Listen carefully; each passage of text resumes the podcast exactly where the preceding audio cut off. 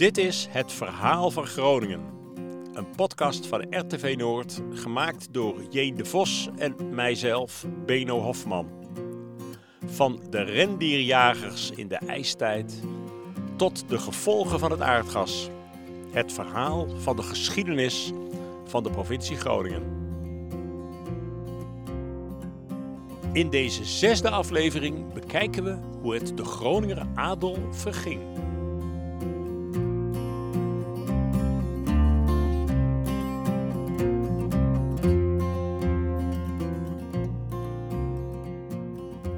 Zie hier staan, jonkheer Gerard Albeda van Menkema, heer van Menkema en Dijksterhuis, geboren op Menkema 31 oktober 1829. Helemaal onderaan met een heel groot wapen. En dan zie je links Dijksterhuis met de twee leeuwen. En rechts zie je de Menkemaborg met een paar mooie kanonnen. En als je dan naar boven gaat, dan zie je waar hij vandaan komt, hè, wie zijn ouders waren. Zijn vader Unico Allard Albeda van Menkema en zijn moeder Josina Petronella Pomman-Gruis. En ook allemaal zie je hè, van Menkema. Ze komen dus echt hier vandaan. Dat plakten ze dan gewoon achter hun naam, dat iedereen weet waar je vandaan komt. Dat was Afina van Eiken, directeur van de Menkemaborg in Uithuizen. De brug over naar het voorterrein van de borg. Als ik me dan omdraai en de borg zo zie, twee kleine torentjes op de hoeken van het voorplein van de borg, slotgracht eromheen. Ja, dan ziet het er echt uit als een, als een kasteel. Ehm, zo is het natuurlijk ooit begonnen als steenhuis, maar het is dan echt een buitenverblijf geworden. En op het uh, voorterrein het Schathoes, nu uh, restaurant, café-restaurant. De borg die werd in 1682 door Mello Alberda gekocht van Johan Klant. En uh, de familie Klant die kwam van oorsprong uit de stad, maar die familie die had in de Ommelanden bezit en daarmee ook macht verkregen. Maar de Alberda's die horen tot de oudste adellijke geslachten van de provincie Groningen.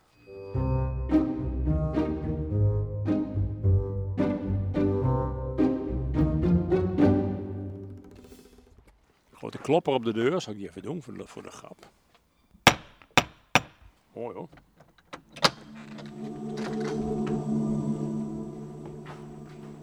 Afina van Eiken, directeur van de Menkemaborg in Uithuizen. Ja. Ja, en eigenlijk is het van het Groningen Museum, toch? Klopt, al sinds 1921. Zo. 1902 was de laatste Albeda. Die hangt daar aan de muur. Oh, we zitten hier in de gang, de Ja. brede, ontzettend brede gang, hè? Ja, relatief breed. Ja. Maar hierboven Hier. hebben we dus eh, Dit was de laatste. de laatste Albeda kinderloos en ongetrouwd gestorven in Oké. 1902. Daar staat een bordje bij. Ja, Portret van jonkheer Gerhard Albeda van Menkema en Dijksterhuis. Die beide borgen, die van de familie waren. 1898 geschilderd door Frank Fort. Ja. Kinderloos. Ja. en Ja. toen eh, En Toen hield het op. werd alles hier verkocht. Hè. Grote boedelveiling hier op het voorplein. En Dijksterhuis, die werd niet verkocht. En die werd gewoon op afbraak werd die verkocht, dus in onderdelen. En Menkemaborg is gelukkig toch bewaard door de nazaten Leo van Nijenstein. En toen in 21 besloten van, goh, we schenken het aan gemeente en Groningen Museum. En toen in 1927 al museum. Maar dat was echt een schenking? Ja. Oh. Ja. Ja, heel bijzonder. Dus, dus heel veel collectie, eigenlijk alle collectie is ook van het Groningen Museum. Alle collectie die hier staat is van het Groningen Museum, maar niet alles is van de Menkemaborg. Nee. Maar gewoon van Ommelander elite. Ja, en als we nu de, de bouw hier van de, eh, van de borg, we hebben dus die brede gang. Ja. Het is in fasen natuurlijk gebouwd, Ja. deze borg. Begon, Waar is het achterste stuk? ja, begon met het steenhuis, inderdaad hier in de kelder. Oh ja. En dat zijn echt de oudste muren en dat is dan 14e eeuw. En ja. daar komt ook die naam Menkema vandaan. En dat zal dan van een rechter Eppe, Eppo Menkema zijn geweest. Oh ja. Maar daar weten wij verder niks van. Nee. Maar dit is wel echt het oudste gedeelte. ja. Ja, en toen is het in de loop van de eeuwen verder uitgebreid. Ja. En daar heeft eh, wel een Albeda grote invloed op gehad. Zeker. Eind 17e eeuw komt het dan in handen van Mello Albeda. Die zorgt ervoor dat het U-vormige complex dat dat vierkant wordt. En die heeft ook de drie achter elkaar geplaatste zadeldaken. Daar was hij dan verantwoordelijk voor. En dan rond 1700 zijn zoon Unico Allard Albeda. Die gaat dan met Jan de Rijk, Allard Meijer en Herman Colenius gaat hij een complete herinrichting doen.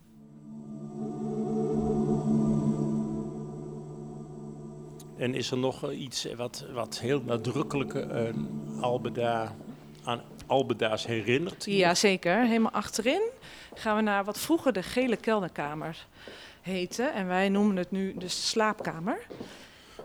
En daar hebben we iets heel imposants staan. Het gele statieledikant oh. van wow. Chinees zijdendamast. Dit is echt gewoon ook een opdracht geweest naast die schouwen van de Rijk en Colenius. Ja. Ehm, voor dit bed hebben ze een opdracht gegeven en is tussen 1705 en 1716 is die hier geplaatst. En dit is echt een van de weinige exemplaren die nog uh, bestaat. Ga je daar wel eens stiekem even op liggen? Niet op, maar in januari, februari hebben we altijd groot onderhoud. En ik ben, uh, vorig jaar ben ik wel in de ombouw gaan liggen. Dus gewoon netjes plat op de grond. Maar ik wilde wel eens weten hoe ziet het eruit. Want het is gewoon fantastisch vormgegeven hè, naar prenten van Daniel Marot. De Fransman die in Nederland uh, graveur was en, en uh, interieurontwerper. En nou ja, als je er gewoon naar boven kijkt, hè, dan zie je al die schelpmotieven. En, en ja, ja is gewoon fantastisch, ja. prachtig. Ja. ja.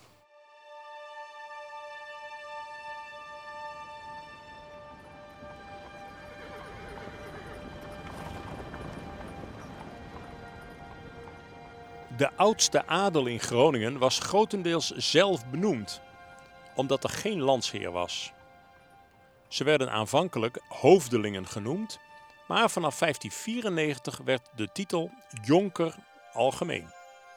Waarschijnlijk meegenomen door hoofdelingen die als protestanten in ballingschap waren geweest in Oost-Friesland.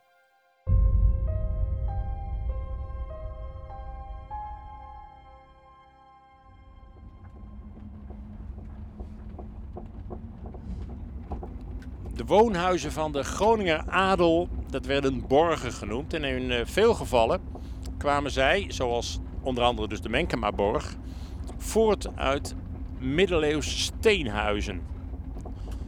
Maar niet elk steenhuis ontwikkelde zich tot een borg. En uh, wij rijden nu in het Westerkwartier over een landweggetje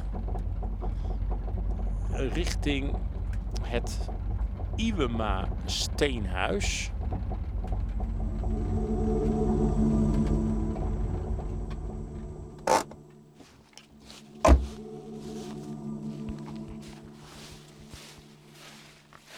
Het Iwema Steenhuis in Niebert in het zuidelijk westerkwartier van het Groninger landschap. En daar staat er een bordje, geen toegang in verband met privégebruik. Nou, ik loop toch maar even door.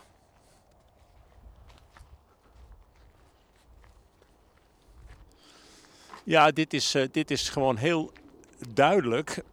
Um, het voorhuis, het is een boerderij. Tot boerderij ontwikkeld, maar het voorhuis dat uh, heeft duidelijk de vorm van een middeleeuws steenhuis. De kopse kant, daar zitten ja, bovenin twee raampjes, maar voor de rest is het uh, een, een, muur waar verder geen, uh, ja, geen ramen in zitten. Grote stenen kloostermoppen. Het is gebouwd rond 1400 en vernoemd naar de familie Iwema, uiteraard. Maar doordat de bewoners niet tot de landadel behoorden, groeide dit steenhuis niet uit tot een borg. Er is ook een museum bij, het Steenhuis. En dat is eh, van mei tot november een aantal dagen in de week open. Op dit moment is het even niet open.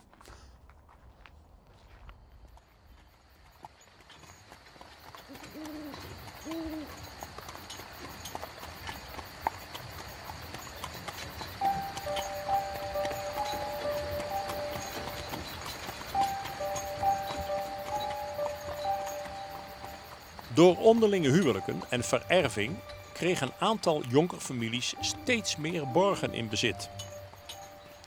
Zo bezat de familie Leeuwen er in 1650 maar liefst acht. En de familie Klant zeven. En de familie Ripperda, die zich in de 14e eeuw vanuit Oost-Friesland in Farmsum vestigde, bezat in de 17e eeuw vier borgen.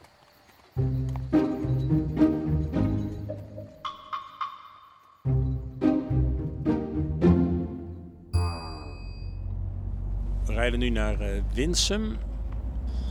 En daar zie ik een bord. En daar staat op Ripperda. Het is dan een, uh, een woonwijk.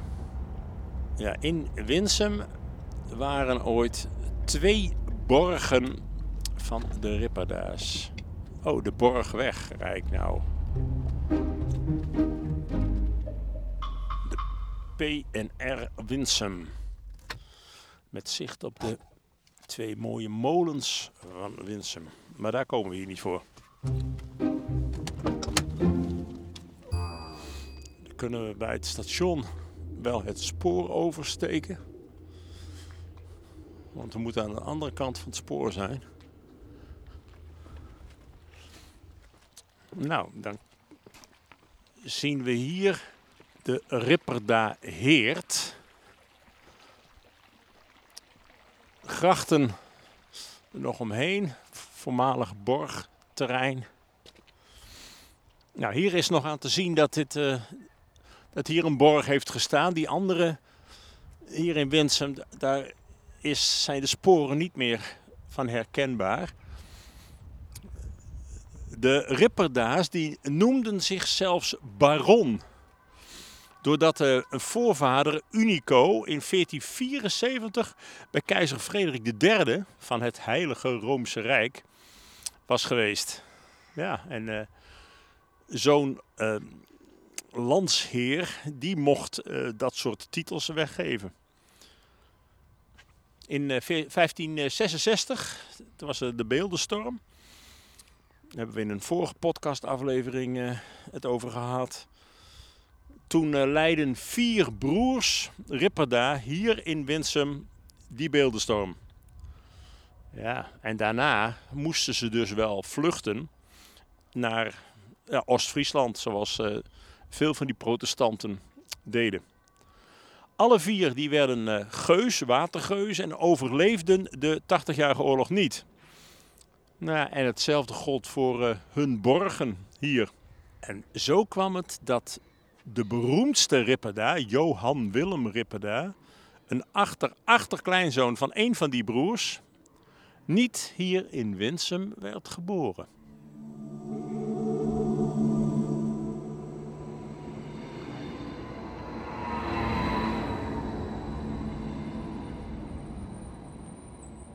Als uh, landloze jonkers zakten de nazaten Ripperda af. En toen ze ook weer katholiek werden, ja, hadden ze alleen nog maar kans op een carrière als militair. Dat uh, gold bijvoorbeeld voor de vader van Johan Willem, die in 1672 officier was onder Rabenhaupt. Wij gaan op zoek naar sporen van deze in 1682 geboren Johan Willem Ripperda.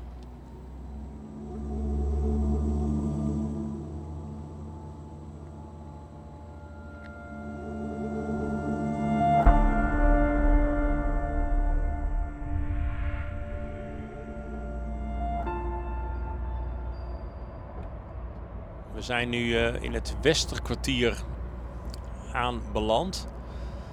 En we zijn op weg naar ja, een van die borgen in de provincie die niet meer bestaat. Want uh, daar werd deze Ripperda waarschijnlijk geboren. We zitten hier vlakbij Oldenhoven. We zijn over Ezingen gekomen. Hier is de afslag naar Oldenhoven, maar nou nog een heel klein stukje door. Iets onder Oldenhoven gelegen, ten zuiden van Oldenhoven. Daar moeten we zijn. aan de Jensemaweg. Nou, grote boerderij nummer 8, die klopt. Honden.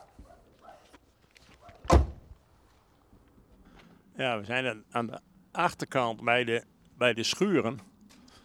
Maar ik heb geen idee waar hier de voordeur zit. Ik kan even kijken op de schuurdeur waar wel verboden toegang staat. Of die open wil.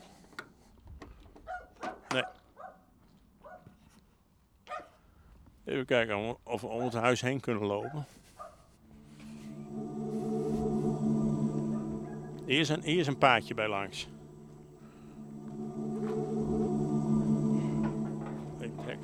Hek, aan, aan de kant. Oeh, het hek valt erom. Nou. De televisie is aan, maar er is... Misschien ligt hij op bed. Hé, hey, daar staat iemand. Eh, mooi. We wonen hier 100 jaar, ja. En voor ons had een familie Wiersma woont. En die hier ook 100 jaar woont. En toen daar even 200 jaar terugkwam, had hij de restanten van de borg opgeruimd. En, en, en waar was dat precies? Recht op Mannekensgracht. Hier zit nog muren van een meter breed in de gracht. Zo. Ja, als het wat er leeg is, ze het nooit verhoeven. Oké, oké. Uh, uit land en van doet wat van, hè? Die steen nemen ze volledig geduurd door, want niet van duur neem ik aan. Ja. En het heet de Jensema Bos. Niet Ja. borg, maar Nee, bos. Ja, dat klopt. Ja, eh, hier een vrouw die op een bos woont en eh dat is gecombineerd waar de verlof eraan kan ben. En wist ook welke bekende grunnige door vrouw ge- geboren is? Ripperde. Ja, inderdaad. En wat, wat was van, van Ripperda? Zo'n dik bouw. Nou, dat is toch nog een scheem, toch? Nee, nee, nee, nee, maar ik heb dat bouw wel. Maar ik ben eh, voor eh, 30 jaar terug een paar nozoot van die Ripperde ben hier wel geweest. Die woonde in Duitsland en die had later wel de naam Ripperde aangenomen. Al was het geen echte Ripperda? Nou ja, als die paarden van Ripperde, maar kijk, hij, hij, eh, nou ja, nog is die moeskant, zeg maar. ja, ja. En, en wat is dit voor, eh, voor bedrijf? Veehouderij. Hoeveel beesten? Eh, groot en klein, dik 100.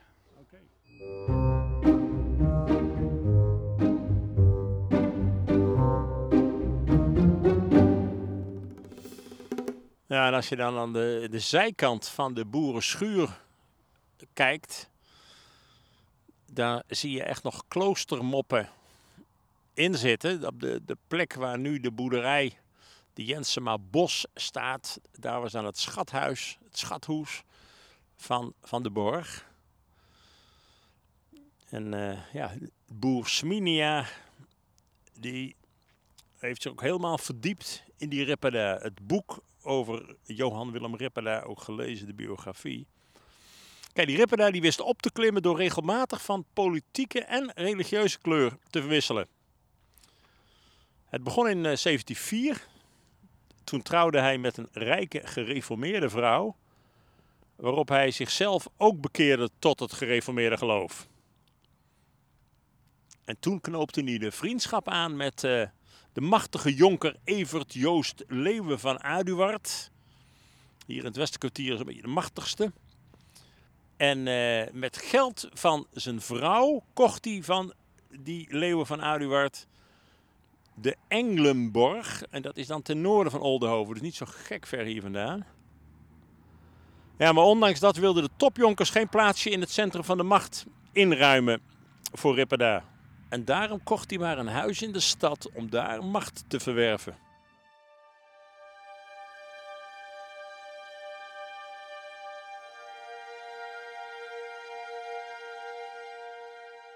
Ripperda's gedraai bleek bijvoorbeeld doordat hij in 1710 stadhouder Johan Willem Frieso hielp zijn positie in Groningen te verbeteren.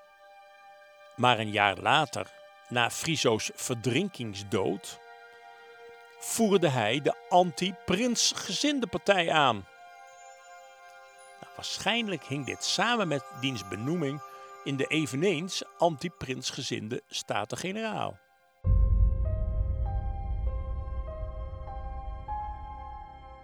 Ripperda vertrok uiteindelijk naar Spanje, waar hij door weer katholiek te worden zelfs eerste minister werd.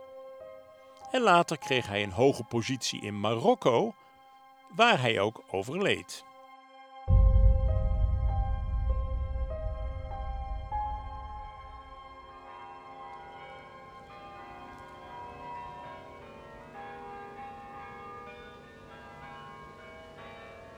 We zijn aan het Martini Kerkhof in de stad bij het vroegere stadhouderlijk hof.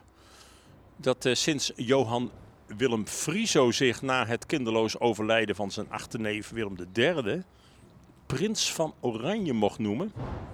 En eh, ja, sinds eh, dat wordt het het Prinshof genoemd. En we lopen nu kant op. Prinsenhof, Brasserie Grand Café.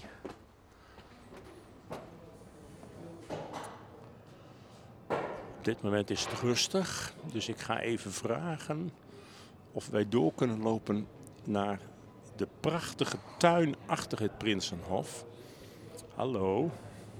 Mag de tuindeur even open, zodat we binnen door kunnen? Ja, natuurlijk. Ik loop even met u mee.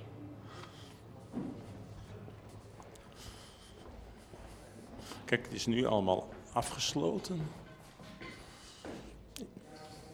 In de, in de zomer is dit eh, gewoon open. In de zomer is dit helemaal open. Ja, zeker. Dan kun je hier ook op het eh, bordes zitten. Dat gaat wel lastig, hè? Oké, dankjewel. Hij mag ook weer eh, op- slot, hoor. Hoi. Ja, de prachtige tuin daarachter. Toen de stad in de 17e eeuw werd uitgebreid, toen kwam dit stukje hier eigenlijk bij de stad.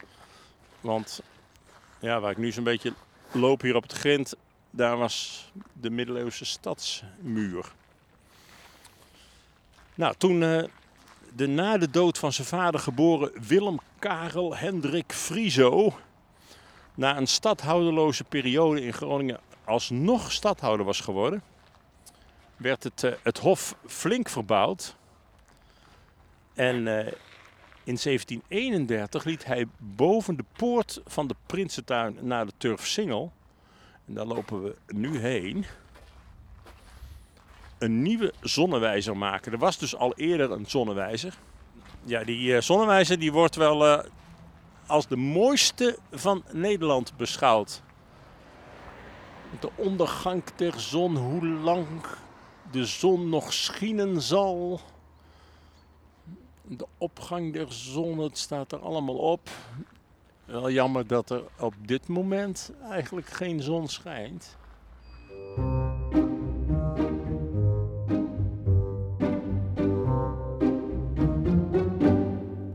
De positie van Willem IV en later zijn zoon Willem V was echter omstreden. De tegenstellingen tussen voor- en tegenstanders van de stadhouders namen toe en ook de jonkers lagen onder vuur. Maar voorlopig bleven in de ommelanden de prinsgezinden en hun luitenant-stadhouder Willem Alberda van Rensuma aan het roer.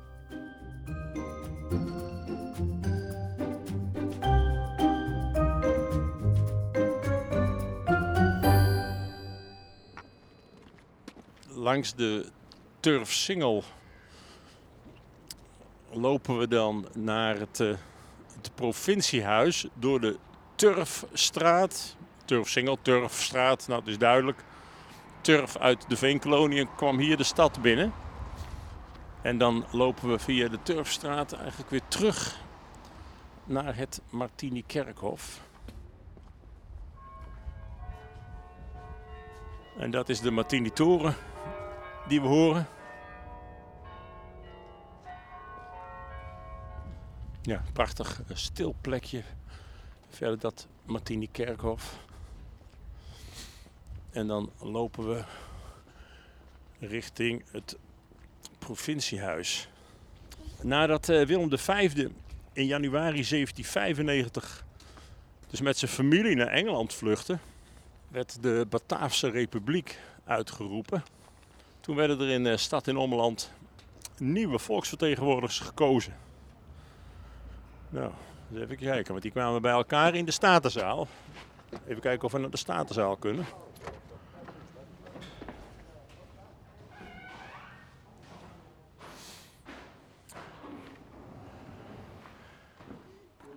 Goedemorgen. Is er in de Statenzaal iets te doen op dit moment? Nee, mogen we er, eventjes, uh, mogen we er even in? Het uh, provinciehuis bestaat uit vele delen, uit vele periodes, maar er is hier in elk geval iets wat er in 1795 al was. De Statenzaal. Ja. Nou, hier. Uh, dankjewel. Hier kwam dan op 17 februari 1795 kwamen voor het eerst de nieuwe volksvertegenwoordigers samen. Maar uh, ja, voor de jonkers was er in het nieuwe bestuur geen plek meer. Ja, ik ben hier al heel vaak geweest, maar het, uh, het blijft heel mooi. En wat daar wel aan de, aan de muur hangt, dat zijn allemaal schilderijtjes van mensen uit de familie van Nassau. Hier graaf Ernst Casimir van Nassau. Enzovoort. Het zijn niet allemaal mensen die hier geweest zijn, maar uh, het is wel mooi. En natuurlijk het prachtige schilderij van Herman Collenius boven de grote schouw.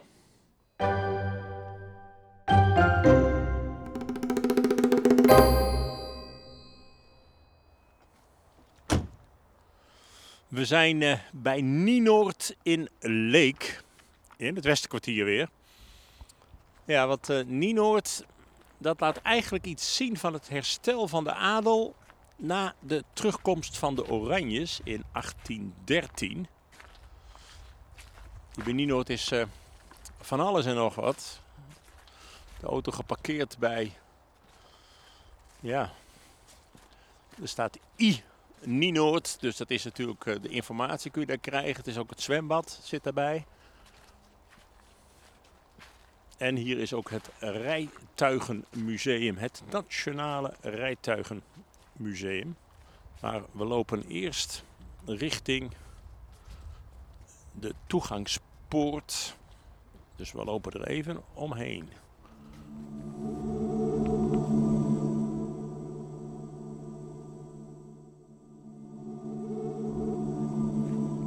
De jonkers die werden uh, jonkheren na 1813. Die titel kregen ze dan van, uh, van koning Willem I. Maar ze kregen niet meer de macht van vroeger. En ooit stond hier, in Nienoord, de borg van een van de machtigste Groninger jonkerfamilies van Eeuwsum. En die toegangspoort uit uh, 1708, die herinnert nog aan de oude borg. Maar het huidige Nienoord, die uh, werd in 1884 werd dat gebouwd door de Groninger architect Jan Maris. In ja, Art Nouveau-stijl, neoclassicistisch. Voor jonkheer Johan Emilius Abraham van Panhuis. En die van Panhuizen, dat waren de laatste jonkers, jonkheren die hier hebben gewoond. Nou, het was even een tippeltje, maar nu zijn we dan bij die toegangspoort waar we naar onderdoor lopen. En hier gaan dan over de brug. Maar we lopen nu eerst eens even naar de bijgebouwen. Om daar Geert Pruiksma te ontmoeten. De directeur van het Rijtuigmuseum.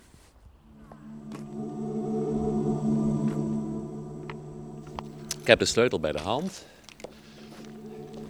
Als het goed is, is het alarm eraf, dus dat scheelt weer. Een...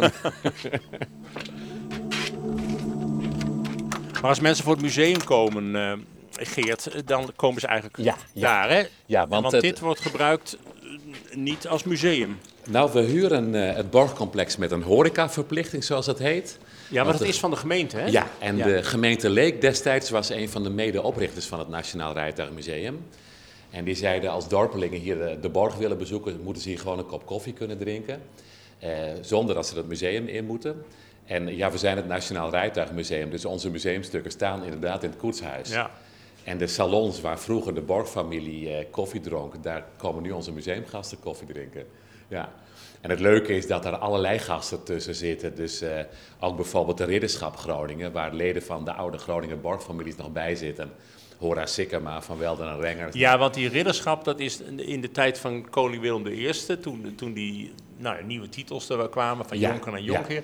Toen zijn alle Groninger eh, edelen, die zijn in die ridderschap Ja, gekomen. ja, of wie als edele werd gezien, of wie Ja. al heel lang tot een vooraanstaande familie behoorde, maar nooit tot, eh, tot adeldom was opgeklommen. Nee, nee, dus nee. iedereen die iets, ja, die iets te zeggen had, die kon wel in die ridderschap.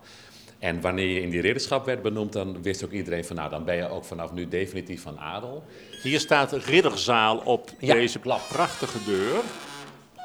De deuren kraken een beetje, maar dat heb je in Ja. oude huizen. Ja, En het bijzondere van deze zaal is, eh, he- het is eigenlijk een torenkamer, een hele grote torenkamer. En die is rond 1890 pas aangebouwd. ja want jij kijkt ook naar het plafond. We kijken naar het plafond. Dat is, het is hout. Ja, het lijkt hout en het is heel wonderlijk, want het is beschilderd linnen. Beschilderd linnen. Ja, dat was goedkoper dan ingelegd hout. Oh. moet, moet wel wat liggen. Ja, en oh, echt een, eh, een kroonluchter met nog echte kaarsen. erin. Ja. Maar ik weet niet of jullie die vaak dan aansteken. En die heet bij de koninklijke familie vandaan te komen. Oh. En dat is eigenlijk wel vrij zeker. En dat heb ik nog nooit iemand verteld die met de eerste Ah. niet hoort. Ja. Hij komt uit Paleis Soesdijk. Ah ja. Ja. De ene van Panhuis die was eh, hier burgemeester. Ja, ja. En zijn vader die was eh, commissaris. Ja, geweest. Geweest? Ja, ja burgemeester Eh, van Groningen geweest. Commissaris van de koningin geweest. Ja, vice, vicepresident van de Raad van State. Betrokken Ja. bij de opvoeding van koningin Wilhelmina. Dus ja, maar die van. Panhuizen, dat dramatische, dat, dat, dat tekent eigenlijk een beetje de ondergang van, nou ja, die hele generatie met, Ja. die, met die jonkheer. V- vertel, wat, wat gebeurde er? Nou, dat was een soort oerknal de verkeerde kant op. Want ehm, de meneer, zoals hier in het dorp werd genoemd, meneer, en mevrouw, die genoten hier van hun rust op Nienoord. Hij had zich terug, teruggetrokken uit allerlei belangrijke functies die hij had bekleed. Hij had zijn netwerk nog wel, dus al die mensen kwamen wel nog hier op bezoek. En eh, hun zoon Hobbe, die werd burgemeester van Leek en ging in een villa hier vlakbij wonen. Oh, die heeft hier niet gewoond. Hop. Nee, nee, nee, Kwam hier wel veel, maar hij woonde een eindje Ja, verderop. dus dit was het buitenhuis van, van zijn ouders. Ja, van de Ja, oude meneer ja, en mevrouw. Ja. Maar zij waren met z'n vieren in Groningen. Eh, de oude meneer en mevrouw die kwamen op het station aan. Eh, zoon en schoondochter zouden hen ophalen met een koets. Ze zouden nog even het academisch ziekenhuis bezoeken, november 1907. November. Ja, het was allemaal nieuwbouw gaande in Groningen, dat wilden ze wel even zien. Maar Geert, zullen we, zullen we de spanning even opbouwen en Ja, dan ja. even naar het andere deel hier van Ja, Nienoord, naar het rijtuigmuseum. Ja, ja. Want het gaat over een koetsje. Ja, en dan lopen we even deze kant op. Ja.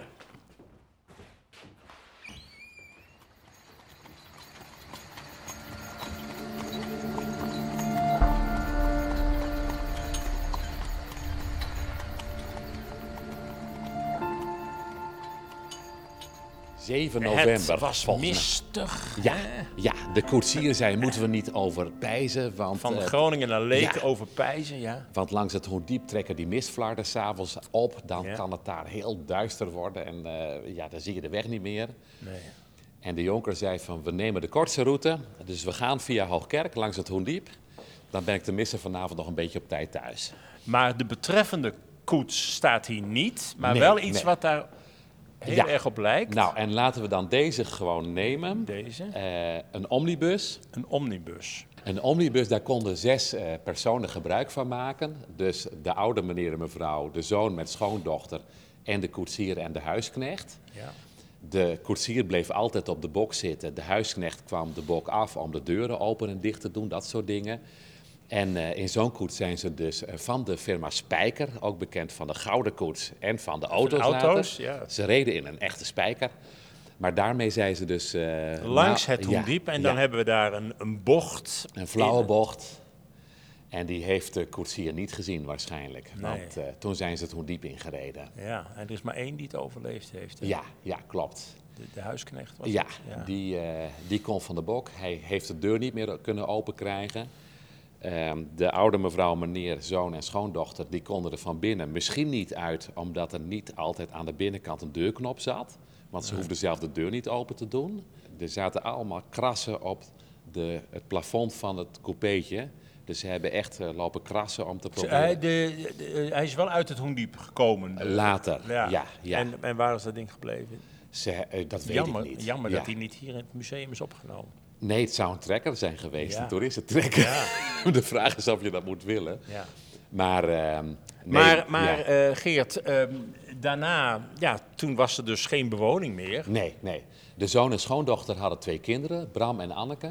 Die zijn meteen naar een tante in Wassenaar gegaan. Ze zijn later nog wel eens terug geweest, maar het huis raakte in verval. En ze hebben het, me- het meubilair meteen al laten veilen, die tante dan. Dus dat is in 1907 al geveild. Dus het huis stond ook leeg. Ja. Dus het was hier ook niet gezellig. En er zijn nog een, eh, een baron en een jonkvrouw in leven die zich herinneren dat ze met hun ouders, dus met die zoon en dochter, eh, nog tot in de jaren 50 hier af en toe kwamen. Maar ze zeiden de tuin was in verval, eh, er stond nauwelijks meubilair meer Ja. in. Dus er was een jonkheer Alberda van Ekenstein die als rentmeester hier functioneerde, die verhuurde de borg. Eh, na de bevrijding bijvoorbeeld woningnood, grote woningnood. Dus toen zat er in elke kamer een ander gezin in de ja. jaren 50. Ja. Ik heb laatst een mevrouw uit Tolbert gesproken, oma Tolbert. Die had hier ook nog even gewoond. Ja, en die zei, de kamer was... Ik zei, waar woont u nou precies? Nou, dat wist ze niet meer. Maar ze zei, de kamer was zo groot, je kon met peert en wagen om de tafel heen. er heeft een schooltje gezeten. Ja. Eh, in de, wat nu de baalzaal heet, daar zat een, ehm, een eh, museum met, zoals zij dat noemde, opstapte beesten. dus er heeft van alles en nog wat in gezeten. Ja. En de gemeente zat een beetje in zijn maag met het complex. Dus ze waren blij dat er een museum in trok. Ja, dus eh, Ja. oké. En dat, in welk jaar is dat exact geweest? 58. 1958. Ja, nou, het is een, een fantastisch museum, Geert. En ja, alle dagen open. Zwinters drie dagen per week. En maar- dat is omdat we Maar gaat, ja, het gaat 's winters wel gewoon door. ja, ja, Nou. ja, ja. Oké. Nou, dankjewel eh Geert. Wij gaan eh, weer naar buiten. Ja, dank voor jullie komst. Ja. En sterkte. En eh, rij niet het Hoen diep in onderweg terug.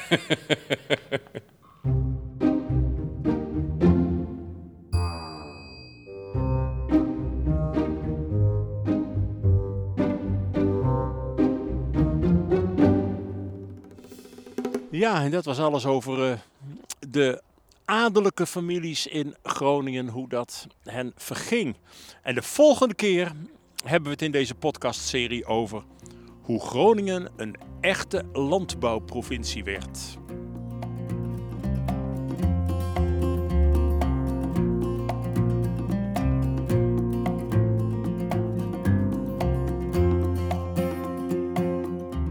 We hebben deze podcast gemaakt dankzij de financiële steun van de provincie Groningen, het Prins Bernhard Cultuurfonds Groningen en RTV Noord.